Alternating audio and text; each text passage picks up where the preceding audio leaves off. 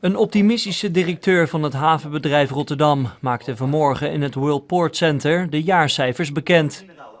We hebben de laatste twee maanden wat gemerkt van de crisis, maar per saldo sluiten we het jaar goed af. Ik heb het ook een goed resultaat genoemd en uh, ja, daar zijn we tevreden over.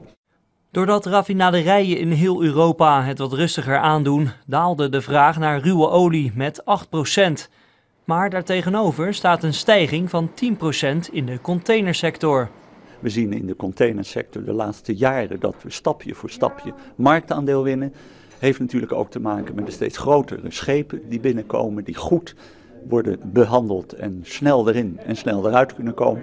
De drie grote rederijen hebben het afgelopen jaar fors hun overslag uh, zien groeien in onze haven. En daar kan je alleen maar trots op zijn.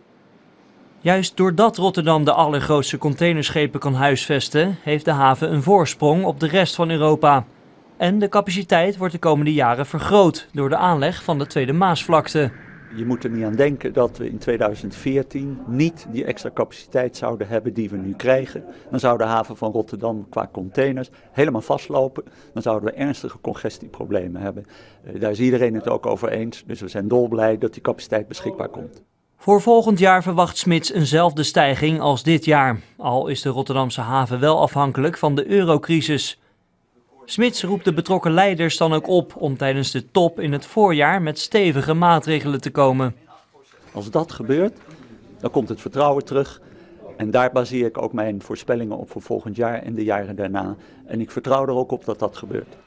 In 2011 werd trouwens ook uitzonderlijk veel strooizout geïmporteerd. Een meevaller waar de haven deze winter voorlopig niet van profiteert.